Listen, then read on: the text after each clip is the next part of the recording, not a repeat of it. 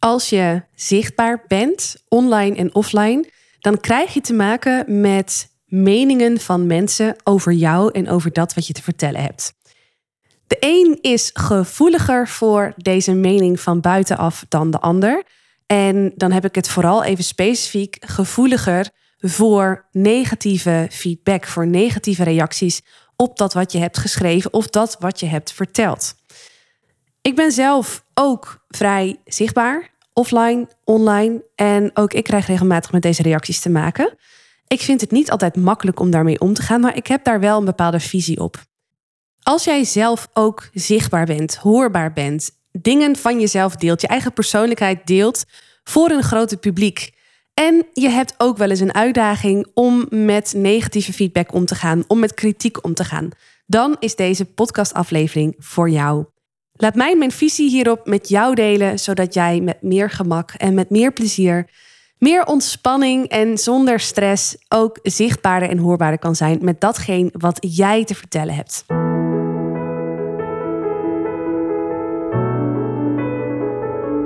Mijn naam is Marije Wielenga. Wil jij jouw ondernemersverhaal delen als spreker, zodat jouw bedrijf nog veel meer aandacht krijgt? Dan is deze podcast Stralen Presenteren voor jou. Als Nederlands kampioen in speechen daag ik jou uit om grootse ambities waar te maken. Door het goud uit jouw ondernemersverhaal te delen op precies die plekken waar voor jou en je bedrijf grote kansen liggen. Blijf luisteren om te leren hoe. Laten we eerst nog even stilstaan bij waarom je eigenlijk überhaupt zichtbaar en hoorbaar wil zijn voor een groot publiek. Niet alleen met de zakelijke boodschap die je te vertellen hebt, met theorie en met kennis over hetgeen je doet, wat je werk is, maar waarom je ook wil dat jouw persoonlijkheid wordt gevlochten in dat wat je te vertellen hebt aan een groot publiek. Of dat nou online of offline is, dat maakt even niet uit. Ik geloof dat mensen bovenal een band met jou als mens mogen voelen, voordat ze een band voelen met dat wat je zakelijk doet. Dit is ook vaak hoe het werkt. Je hebt een bepaalde klik of je voelt een bepaalde klik met iemand, of je die persoon nou al langer kent of fysiek ook wel eens hebt gezien en gesproken of niet. En op basis van die klik ben jij meer geïnteresseerd in wat die persoon doet en wat die persoon wellicht voor jou kan betekenen. Dus die persoonlijke klik gaat voor de zaken, om het zo maar te zeggen. Dit is mijn overtuiging. Dit is ook wat ik teach aan mijn klanten. Of ze nou online content maken of dat ze nou keynotes geven voor een groot publiek. Het is belangrijk dat ze hun persoonlijkheid hierin verweven. En ik leer ze ook hoe ze dat het best kunnen doen. Ik coach je erbij. En zelf doe ik dit natuurlijk ook. Zou gek zijn als ik dat niet, niet deed. I practice what I preach.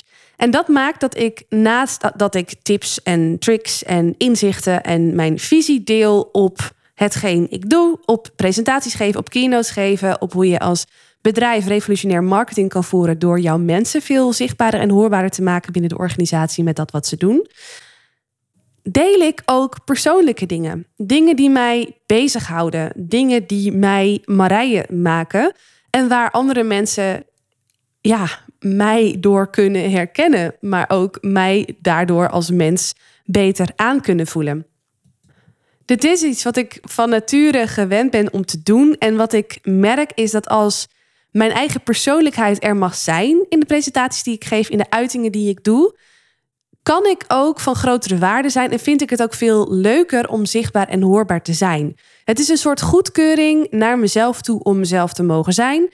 En ik merk ook dat als ik helemaal mezelf mag zijn, dat de mensen die ik graag wil helpen, mijn ideale klanten, maar ook mijn ambassadeurs, dat die zich ook veel meer aangetrokken voelen tot mij, omdat ze meer verbinding voelen. Voor mij is het dus allemaal heel erg logisch. En vooral sinds ik uh, zelfstandig ondernemer ben, verweef ik dus ook heel bewust mijn eigen persoonlijkheid in mijn uitingen naar buiten toe.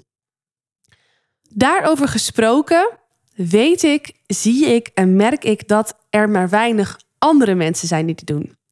De kans is groot als je deze podcast luistert dat jij wel zo iemand bent, maar uh, ik wil daar geen oordeel aan vastpinnen, want ik snap heel goed dat de norm nog niet is dat mensen een stukje persoonlijkheid delen. En ik zal je vertellen waarom.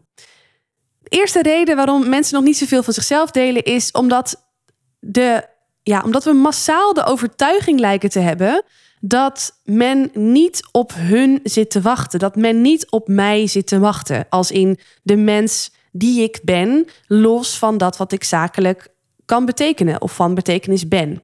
Het is een stukje bescheidenheid. Tweede reden waarom weinig mensen wat persoonlijkheid laten zien, is omdat niemand het doet. En dat heeft natuurlijk ook alles met die eerste overtuiging te maken. Wat zullen andere mensen wel niet van me denken? Wat zullen collega's wel niet van me denken? Wat zal mijn, ehm, ja, wat zullen medebestuurders wel niet van me denken? Als jij iets anders doet dan de rest, dan ga je opvallen. En dat is niet iets wat we vermakkelijk vinden om te doen.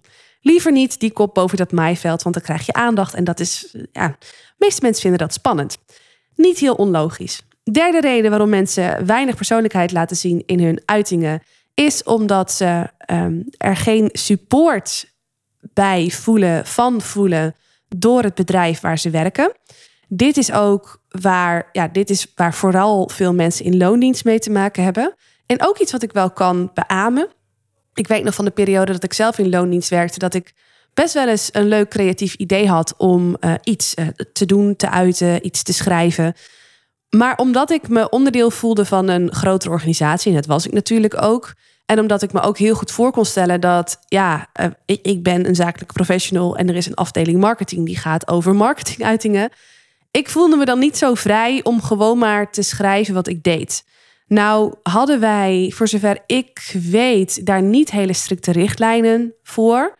Maar ik weet dat er echt zat groot MKB-bedrijven zijn die dat wel hebben. En terecht, want als iedereen gewoon zomaar dingen gaat delen, um, ook over werkzaken gaat praten, ja, dan is het gewoon niet meer te controleren wat er over het bedrijf naar buiten wordt gebracht. En is het gewoon veel lastiger om die reputatie als bedrijf zijnde goed te managen. Dus dit is ook wel een terechte angst. Uh, daar ik toch denk dat het anders zou kunnen. Maar goed, het, het is wat het is. En het is daarom een bezwaar voor veel mensen om niet echt zichtbaar te zijn en meer van hun persoonlijkheid te laten zien.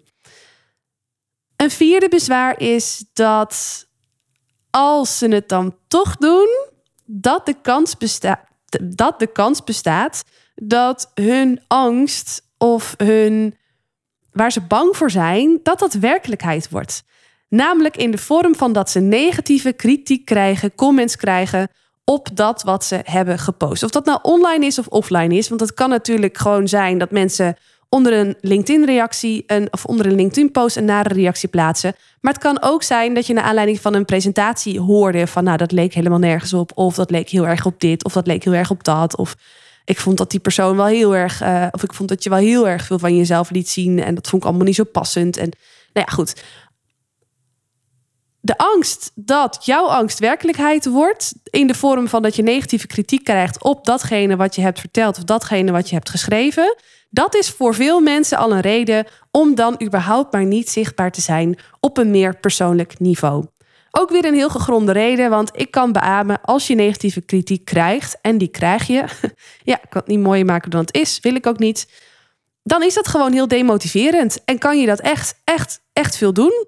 Dat doet vaak meer dan 100 positieve uh, reacties die daar tegenover staan. Dat is de realiteit. De vraag is alleen: laat je je daardoor belemmeren of neem je het voor wat het is en ga je door met wat je te doen hebt? Oké, dus er zijn maar weinig zakelijke professionals die hun persoonlijkheid mixen in hun uitingen naar buiten toe, online, offline, presentaties, content maken, wat het ook is. En toch sta ik er echt voor dat dit belangrijk is. Dat je je hiermee gaat onderscheiden als mens en daarmee ook als zakelijke professional. En daarmee veel meer kan betekenen voor je klanten, veel meer kan betekenen voor de wereld indirect. Ik wil eerst even stilstaan met je wanneer je wel of niet iets persoonlijks zou mogen delen. Want ik vind ook, hè, je mag inderdaad je persoonlijkheid laten zien. Maar dat betekent niet dat je te pas en te onpas overal je mening op moet geven. En alles wat er privé bij je leeft, maar gewoon op tafel moet smijten. Dat wat je persoonlijk deelt, doe je om meer in verbinding te komen. Maar het moet altijd kloppen met dat wat je zakelijk wil uitdragen. Er is dus wel degelijk een soort meetlat waarnaast je mag leggen of dat je een bepaalde persoonlijke post wel of niet deelt. En die meetlat is van jou. Ik ga je nu vier dingen aangeven die je mee kunt nemen in je afweging of dat je iets wel of iets niet gaat posten. En vervolgens is het aan jou hoe jij die dingen interpreteert en hoe jij ze voelt. En uiteindelijk ook de keus aan jou en misschien ook wel aan je collega's of dat iets wel of dat iets niet kan. In lijn met wat jullie uit willen stralen, zakelijk gezien.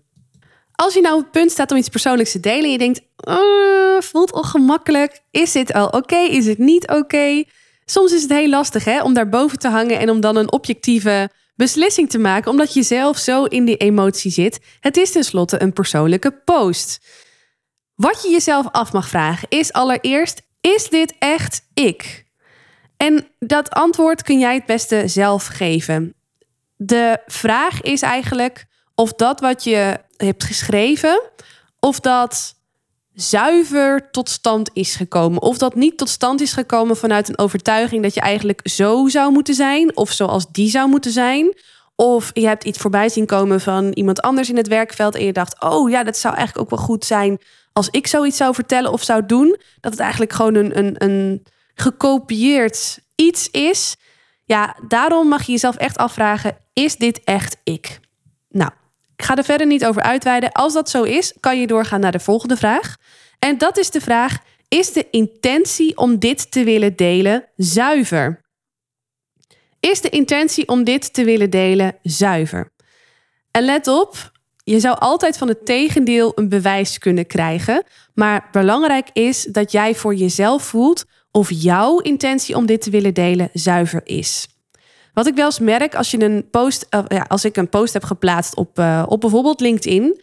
En mensen, ja, ik geef het even als voorbeeld, omdat mensen daar altijd het meest rauw en direct zijn in de reacties. Daar waar ik ook wel fysiek spreek, hoor je daar hè, minder directe reacties terug als ze negatief zijn of kritisch zijn. Fijn, maar ook niet altijd even handig. Dus ik neem LinkedIn eens als voorbeeld. Ik ben er regelmatig van beticht dat ik de verkeerde intentie zou hebben met het plaatsen van een bepaald bericht. Dit gebeurde mij onlangs nog en ik zal daar later even wat meer over vertellen, over de context daarvan. Als jij voor jezelf voelt dat je intentie zuiver is, dan kun je ook aan deze vraag voorbij gaan met een groen vinkje. De derde vraag die je jezelf mag stellen is: is de message uit de mes gehaald? En is die message, kun je, ja, kun je die verbinden met dat wat je zakelijk doet? Dus eigenlijk een tweeledige vraag. De message uit de mes halen is niet iets van mij persoonlijk, maar vind ik altijd een fantastische um, graadmeter om te bepalen of ik wel of niet iets moet delen. Wat je wil voorkomen is dat jij zelf nog in een verwerkingsproces zit van het een of het ander, omdat het allemaal super vers is en nog echt heel veel pijn doet, of juist ja, uh, uh, heel confronterend voor je is. Wat je wil voorkomen is dat je vanuit die energie, van het onverwerkte stuk, dat je daarvanuit gaat posten puur voor jezelf om het te kunnen verwerken. Hoe noemen ze dat ook alweer? Is ook een mooi begrip voor dat je eigenlijk publiekelijk een beetje um, publiekelijke traumaverwerking, daar zit niemand op te wachten, maar jij zelf ook niet. En door jezelf heel eerlijk deze vraag te stellen, heb ik uit de mes die ik heb meegemaakt, kan ik daar nu een duidelijke boodschap uh, uithalen voor mijn luisteraars of voor degene die dit leest. Als dat zo is, als jij uit datgene wat, jou, uh, wat voor jou heel vervelend was, een, een belangrijke les hebt kunnen halen. En je voelt die ook echt zo. En je voelt ook echt dat het vooral die les is die je wil delen. Ja, dan kun je het delen. Maar voel je van, oh, ik heb hier een, een heel verhaal. En dat kun je storytelling noemen. Maar het is eigenlijk niet meer dan gewoon een heel verhaal. Zonder dat er een bepaalde lering uit te trekken valt. Ja, dan zou ik hem nog even niet posten. Zou ik hem even lekker voor jezelf houden en misschien op een later moment posten. Maar wat ook wel van belang is, is dat er wel een haakje is naar wat je zakelijk doet. Als jij uh, consultant bent en je consulteert in nou, bedrijfsfinanciën, ik noem maar even wat. En je gaat een heel verhaal vertellen in je keynote of in je content over je hond die ernstig ziek is geweest en is overleden. Een hoop drama. Maar er komt uiteindelijk niet een bepaald punt uit. Hè, een bepaalde lering die je weer inzet voor de rest van je verhaal. Een bepaalde plot die relevant is voor wat je zakelijk te brengen hebt. Ja, dan moet je echt die post nog niet online zetten. Dan moet je echt nog niet hierover willen vertellen. Blijf daar dan alsjeblieft weg totdat het wel zo is. Of hou het gewoon weg van je publiek als je die link überhaupt ook op een later moment niet kunt leggen. Dat is de derde uh, afweging. En dan de vierde afweging, als je hier ook weer glansrijk doorheen bent gekomen, kan ik de reacties dragen? Stel nou, ja, dit ben ik echt. Ja, de, mijn intentie is zuiver. Ja, ik heb een duidelijke boodschap uit het verhaal wat ik heb willen delen. Stel nou dat er hele vervelende reacties op komen, kan ik dat dan dragen? En dat is natuurlijk altijd een beetje koffiedik kijken. Maar het is wel belangrijk om jezelf af te vragen. Als jij zelf nog, om wat voor reden dan ook, gewoon niet lekker in je vel zit en eigenlijk heel weinig kunt hebben van andere mensen. Als je van jezelf weet dat je heel uh, snel getriggerd bent. En dat kan natuurlijk gebeuren. Hè? Het kan zijn dat je daar even moeilijk afstand van kan doen als je ergens een presentatie geeft of als je bepaalde content deelt.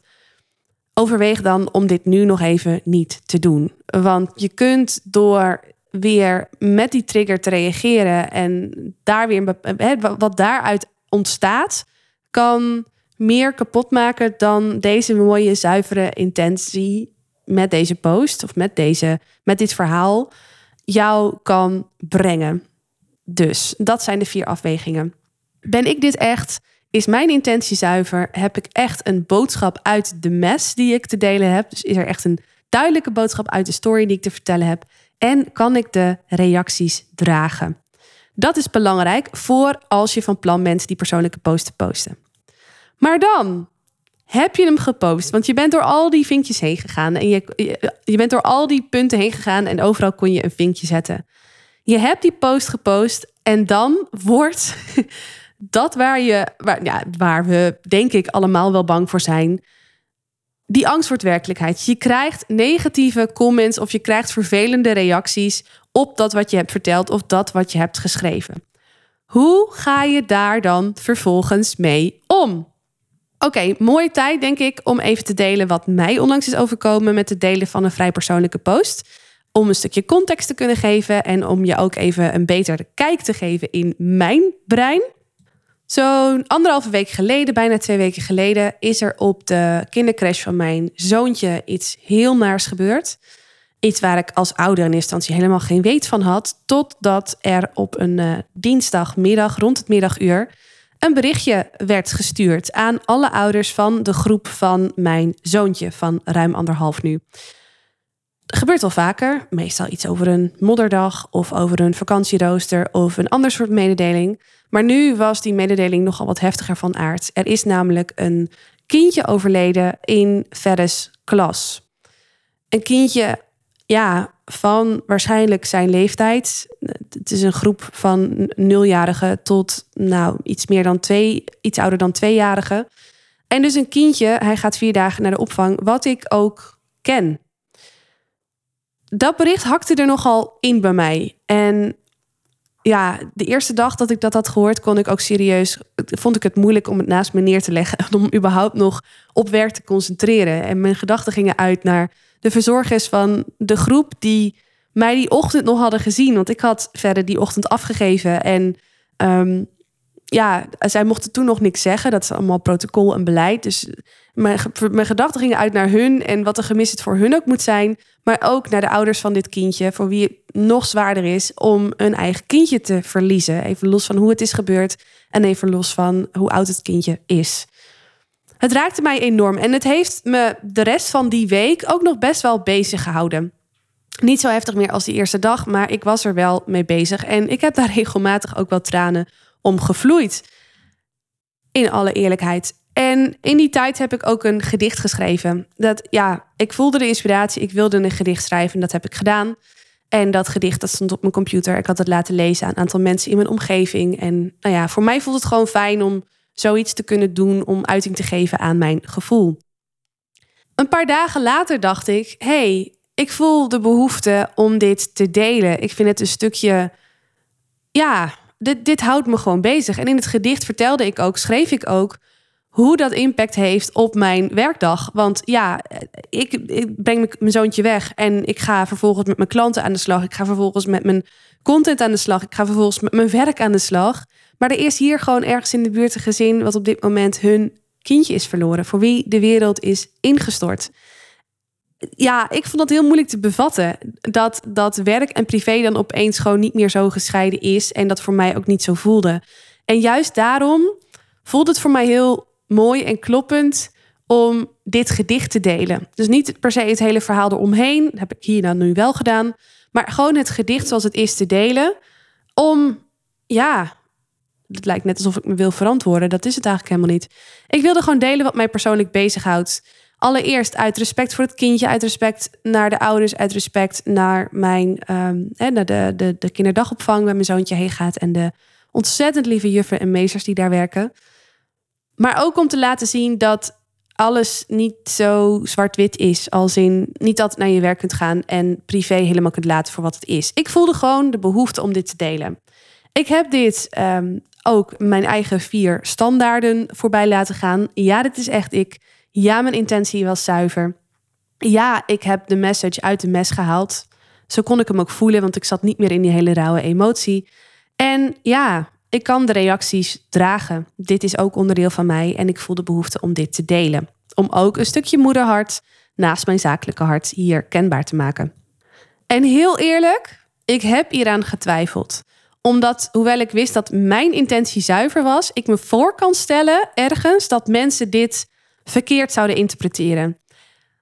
Tegelijkertijd wist ik dat ook heel veel mensen het wel mooi zouden vinden. En dat heeft mij over de streep getrokken om dit wel te doen. Nou, de angst of de spanning die ik voelde van... goh, zouden mensen mijn intentie goed begrijpen... die werd uh, werkelijkheid toen ik uh, wel geteld één kritisch uh, commentaar kreeg van iemand. Niet gelijk diezelfde dag, volgens mij één of twee dagen daarna. En ehm, ja, dat raakte mij, zal ik in alle eerlijkheid zeggen. Het was, ja, volgens mij, even terug naar, naar, de, de, naar deze podcast zelf. Een reactie, een vervelende reactie, kan volgens mij uit drie dingetjes verstaan. Het is ofwel een haatreactie waarin gescholden wordt, ofwel een reactie waar een bepaalde veroordeling in zit. Dus je wordt veroordeeld op basis van hetgeen wat je hebt uh, gedeeld. Of het is gewoon een reactie met hele kritische vragen. Die ja, eigenlijk je intentie in twijfel stellen. Het kan ook een mix zijn tussen die. In dit geval was het heel duidelijk in eerste instantie een kritische vraag. Of eigenlijk een aantal kritische vragen. Waarbij iemand ook de nuance maakte van ja, oké, het kan, het, het, is allemaal heel triest, maar wat was eigenlijk jouw. Um, uh, gaat personal branding niet heel erg ver als je juist zo'n situatie aangrijpt om daarmee te koketteren? Zoiets, zoiets schreef hij. Toen ik dat las, dacht ik: wow, natuurlijk wilde ik dat niet op die manier delen. En natuurlijk zie ik het ook niet als een commerciële kans. Of, ik, het, raakte mij omdat het mijn intentie niet was. Ook omdat ik al bang was ergens dat mensen deze intentie zouden kunnen vermoeden. En nu dacht ik, ja, en nu? Wat ga ik hier nou mee doen? Als je de podcast tot hier hebt geluisterd, dan is de kans groot dat ook jij wel eens geraakt wordt door reacties die mensen geven op basis van dat wat jij hebt geuit in een presentatie, in een stukje content of wat ook maar. En Daarom wil ik met je delen wat voor mij uitgangspunten zijn om te beslissen of ik reageer en hoe ik reageer. Wat ik dus ook bij deze post heb gedaan. Nou, ik denk sowieso goed als je zo'n reactie leest en je merkt dat het je wat doet, dat het je triggert. Dat het je of boos maakt of verdrietig maakt. Bij mij werd het, was het vooral, um, ja, wat voelde ik? Ik voelde denk ik vooral um, ja, frustratie. Dat ik niet goed begrepen werd. Ik denk dat, dat die emoties bij mij overheersten. Maar wat zijn de uitgangspunten? Volgens mij mag je, als je dus getriggerd wordt, eerst zorgen dat je even afstand neemt. Dat je niet vanuit die trigger gaat reageren, want daar wordt niemand beter van. Dat is ook wat ik heb gedaan. Ik heb het ook even aan mijn vriend laten lezen. Ik heb het ook even besproken met mijn eigen business buddy. En ik heb het gewoon voor dat moment even gelaten voor wat het is. Vervolgens dacht ik, ja, wat ga ik hier nu mee doen? Ga ik eh, hierop reageren of ga ik er niet op reageren? Een aantal uitgangspunten die je mee mag nemen in deze overweging is allereerst dat je je mag beseffen dat dat wat je aandacht geeft, dat dat groeit.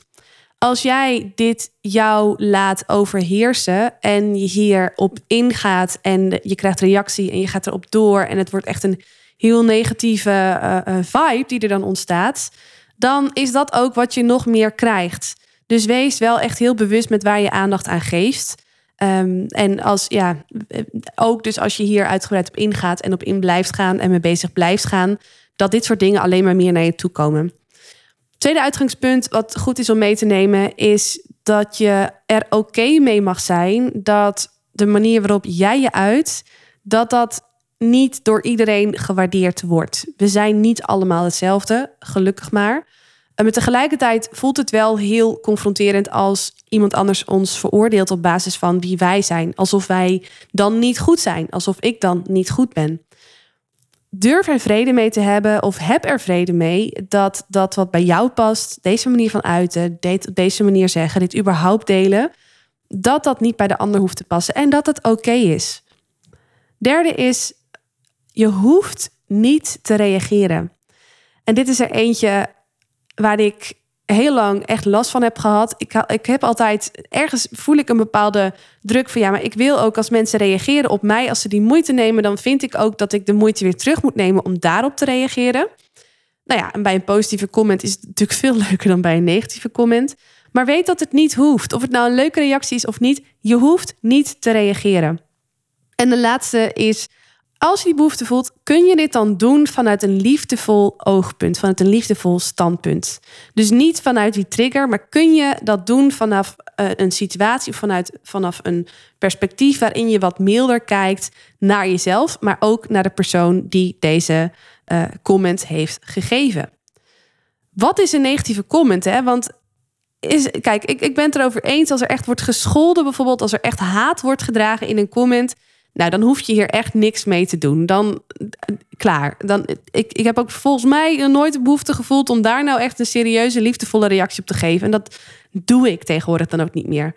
Bij een veroordeling vind ik dat ook heftig. Als mensen niet in staat zijn om eerst even uit te zoomen op de situatie, maar gelijk jou te veroordelen op datgene wat ze van je lezen, vind ik het ook niet dat mensen het waardig zijn om een reactie te krijgen. Ja, heel eerlijk, zo voel ik dat. Maar als mensen kritische vragen stellen, ja, dan is het de vraag of het eigenlijk wel zo'n negatieve comment is. Je kunt vaak wel voelen met wat voor vibe die is geschreven. Maar kritische vragen geven nog wel opening om jouw standpunt, om jouw visie te uh, geven. En in mijn geval, in dit geval, was het een post met vooral kritische vragen. Waarbij die ook um, een aantal, uh, is het A of is het B? Ja, als het B is, dan zou dat natuurlijk wel dubieus zijn. Weet je wel? Dus er zat wel een veroordeling in. Maar er, er, was nog opening van, oh, mogelijk is dat niet zo of zo. Of in ieder geval, hij stelde de vraag. En dat vond ik, uh, nou, dat vond ik, was voor mij een reden om te kunnen denken van, oké, schijnbaar snap jij niet waarom ik de behoefte voelde om dit te delen. Schijnbaar betwijfel jij mijn intentie. En dat, dat mag, dat kan. Laat mij gewoon uitleggen waarom ik dit doe. Want ik wilde ook reageren omdat ik weet dat er overtuiging heerst dat je persoonlijke dingen niet mag delen op een zakelijk platform. Dat je überhaupt wat minder van je persoonlijkheid mag laten zien als je überhaupt iets zakelijks vertelt, fysiek of niet fysiek. Ja, ik geloof dus dat als jij meer van jezelf laat zien, dat je ook beter in verbinding komt met anderen en dat je daardoor ook gewoon veel succesvoller kunt zijn als mens, maar ook als bedrijf. En dat is voor mij de reden om ook een stukje persoonlijkheid te willen delen. Ik wil mezelf zijn, ik wil mezelf kunnen zijn. En ik wil dat als mensen met mij zaken doen uh, of met mij überhaupt in contact zijn, dat ze dat doen omdat ze de mens Marije achter wat ik zakelijk doe waarderen, respecteren en daar een fijn gevoel bij hebben. Dat was voor mij de reden om dit te delen. En ik voelde dus, omdat dit voor mij zo belangrijk is in het werk wat ik doe, ook een uitnodiging om dat aan hem uit te kunnen leggen. Niet om hem daarvan te willen overtuigen, maar gewoon om mijn visie daarop te kunnen delen. Nou, dat is wat ik uiteindelijk ook heb gedaan. Op een later moment, volgens mij pas de volgende dag of pas later die dag. Nou, in ieder geval echt wel een stuk, een aantal uur later nadat ik het eh, heb gelezen. En bij die reactie heb ik heel erg rekening mee gehouden dat ik mezelf niet wilde verdedigen, dat ik de ander niet wilde veroordelen en dat ik die ander ook echt wil zien en voelen als een gelijke. Hij is het niet met me eens. Hij snapt niet waarom ik dit heb gedeeld. Hij veroordeelt me hierover. Maar dat maakt hem niet een beter mens of een minder mens dan dat ik ben. Ik kan dat echt zo voelen en ik kon dat ook echt zo voelen toen ik die reactie typte. Hoewel ik nog steeds wel ergens voelde dat het me pijn deed, kon ik het wel zo zien. En was ik dus in staat om eh, vanuit een liefdevol standpunt te reageren. Nou, dat heb ik gedaan. Ik heb hem een aantal vragen teruggesteld. Ja, ik zal even de link naar mijn post in de, uh, in de show notes van deze aflevering zetten. Dan kun je het eens even rustig teruglezen als je die behoefte voelt. Maar ik heb gewoon getracht vanuit het liefdevolle standpunt te reageren met uh, ja, wat voor mij een reden is om wat meer van mezelf te laten zien. Zonder dat ik heel specifiek op deze situatie uh, in ben gegaan. Dat de ander niet willen veroordelen, dat is echt iets wat heel sterk leeft bij mij. En waarvan ik merk dat dat niet zo gebruikelijk is. Want ik heb ook met een aantal collega's, collega-ondernemers die ook regelmatig uh, zichtbaar en hoorbaar zijn en daarbij ook dingen van zichzelf delen. Daar meet ik dan bij van, joh, kan ik dit posten of niet? Maar ook met zo'n reactie van, goh, hoe, ja, wat, wat is nou zuiver om te reageren? Ik heb iets bedacht, maar hoe zie jij dit? Ik vind het altijd heel fijn om daar even over te kunnen sparren. Om zo weer even vanuit een wat objectievere blik te kijken naar mijn eigen post, maar ook naar deze reactie. En wat me daarbij toch wel opvalt, is dat veel mensen, mijn partner ook, die zegt van joh Marije, dit is gewoon zo'n uh, zo'n troll en uh, die, moet je gewoon echt negeren, die moet je blokkeren en uh, dit is, die, die doet het om jou te pesten, echt zo. Ja, weet je, ik moet er altijd wel lachen. Hij bedoelt het natuurlijk hartstikke goed door dat tegen mij te zeggen. Alleen, ik geloof daar niet in. Ik geloof niet dat deze man vanuit die intentie heeft gereageerd op mijn, op mijn post. En weet je, ik wil er ook helemaal niet van uitgaan. Ik, ik wil er gewoon van uitgaan dat iemand zo reageert omdat hij getriggerd is. Dat zegt veel over die persoon. En dat wetende wil ik gewoon liefdevol kunnen reageren als ik al vind dat ik mag reageren. Waarbij ik die persoon ook in zijn waarde wil laten. In dit geval in zijn waarde wil laten. Iemand anders zei ook, die had even naar het profiel gekeken van deze beste man. En deze beste man heeft dus een profiel. Uh, reageert wel eens op andere mensen. Deelt ook wel eens, maar alleen berichten die al eerder hè, gepost zijn door iemand anders. Dus hij uh, reshared het dan, of hoe noem je dat? Repost het dan. Hij laat zelf niets zien van zichzelf. En ze zegt, ja, weet je, van dat soort mensen hoef je überhaupt niks aan te nemen. En ik vind ook, daar heeft ze gelijk in. Dat is een heel mooi boek van Brene Brown. Volgens mij is dat uh, De kracht van kwetsbaarheid. Brene Brown zegt ook in haar TED Talks, die zegt ook volgens mij zelfs in haar boek... Je hoeft niets aan te nemen van mensen die niet zelf kwetsbaar zijn en daarmee niet zelf, net als jij, in die arena staan. Het is heel makkelijk als je um, in zo'n arena bent om als publiek zijnde tomaten te gooien naar de mensen die daar in dat middelpunt staan, die het werk doen, die uh, zichtbaar en kwetsbaar zijn. Alleen dat wil niet zeggen dat jij dat van, van hun ook aan moet trekken. Je hoeft iemand pas serieus te nemen als die persoon zelf ook in de arena staat en zelf ook bereid is om meer van zichzelf te laten zien en daarmee dus in verbinding te komen met anderen. Nou, deze persoon is dat dus blijkbaar niet. Ik heb dat zelf niet gezien. Um, maar daarmee zei ze ook van joh, negeer gewoon. En toch voelde ik een soort uitnodiging om een handreiking te kunnen doen. Om hem uit te kunnen leggen. Van, maar dit is hoe ik het zie. En dat jij dat niet zo ziet. En wat jij ervan vindt, moet je zelf weten. Maar dit is hoe ik het zie. En dat was, daarmee was het voor mij ook klaar. Ik probeer dus echt weg te blijven van die veroordeling. Nou, later heeft uh, iemand die ik ken uit mijn netwerk nog weer gereageerd op deze man. Die kwam me eigenlijk bijvallen ja, super lief natuurlijk, super sympathiek. Alleen de manier waarop dat werd gedaan, ja, dat, zat ook, ja, dat was ook weer niet de manier zoals ik het zou hebben gedaan. Dus ik voelde me daar niet uitgenodigd toe om daar nog verder op in te gaan. En ik zag dat uh, deze beste man daar ook weer op had gereageerd. Voor mij was het daarmee klaar. Ik heb gezegd wat ik wilde zeggen. Ik heb hem voor mijn gevoel in zijn waarde gelaten. En ik voel mezelf ook nog steeds oké met wat ik heb gepost. En ja, ik heb daar geen spijt van, laat ik het zo zeggen. Dit was hem, mijn podcastaflevering over omgaan met negatieve of reacties of kritiek naar aanleiding van iets wat je hebt gezegd of iets wat je hebt geschreven. Ik hoop dat dit helpend voor je was. Als jij je net als ik in die arena begeeft door jezelf regelmatig ook op een meer kwetsbare manier te laten zien en te laten horen. Als het het geval is, laat me dat dan even weten. Laat het me even weten als je deze podcast gehoord hebt en wat je daaruit, uh, ja, wat je daaruit oppikt voor jezelf. Vind ik super fijn om te lezen, om te horen. En uh, als je nog suggesties hebt voor een volgend onderwerp waar je wel eens wat meer over zou willen horen in een podcastaflevering, laat me ook dat weten. Want dan maken we die podcast gewoon zelf. Jij door de vraag te stellen en ik door hier een podcastaflevering over op te nemen. Ik wens jou durf en moed om jezelf te zijn en plezier in de manier waarop je dat doet. En daarnaast natuurlijk een hele fijne dag en graag tot de volgende podcast-episode. Doei!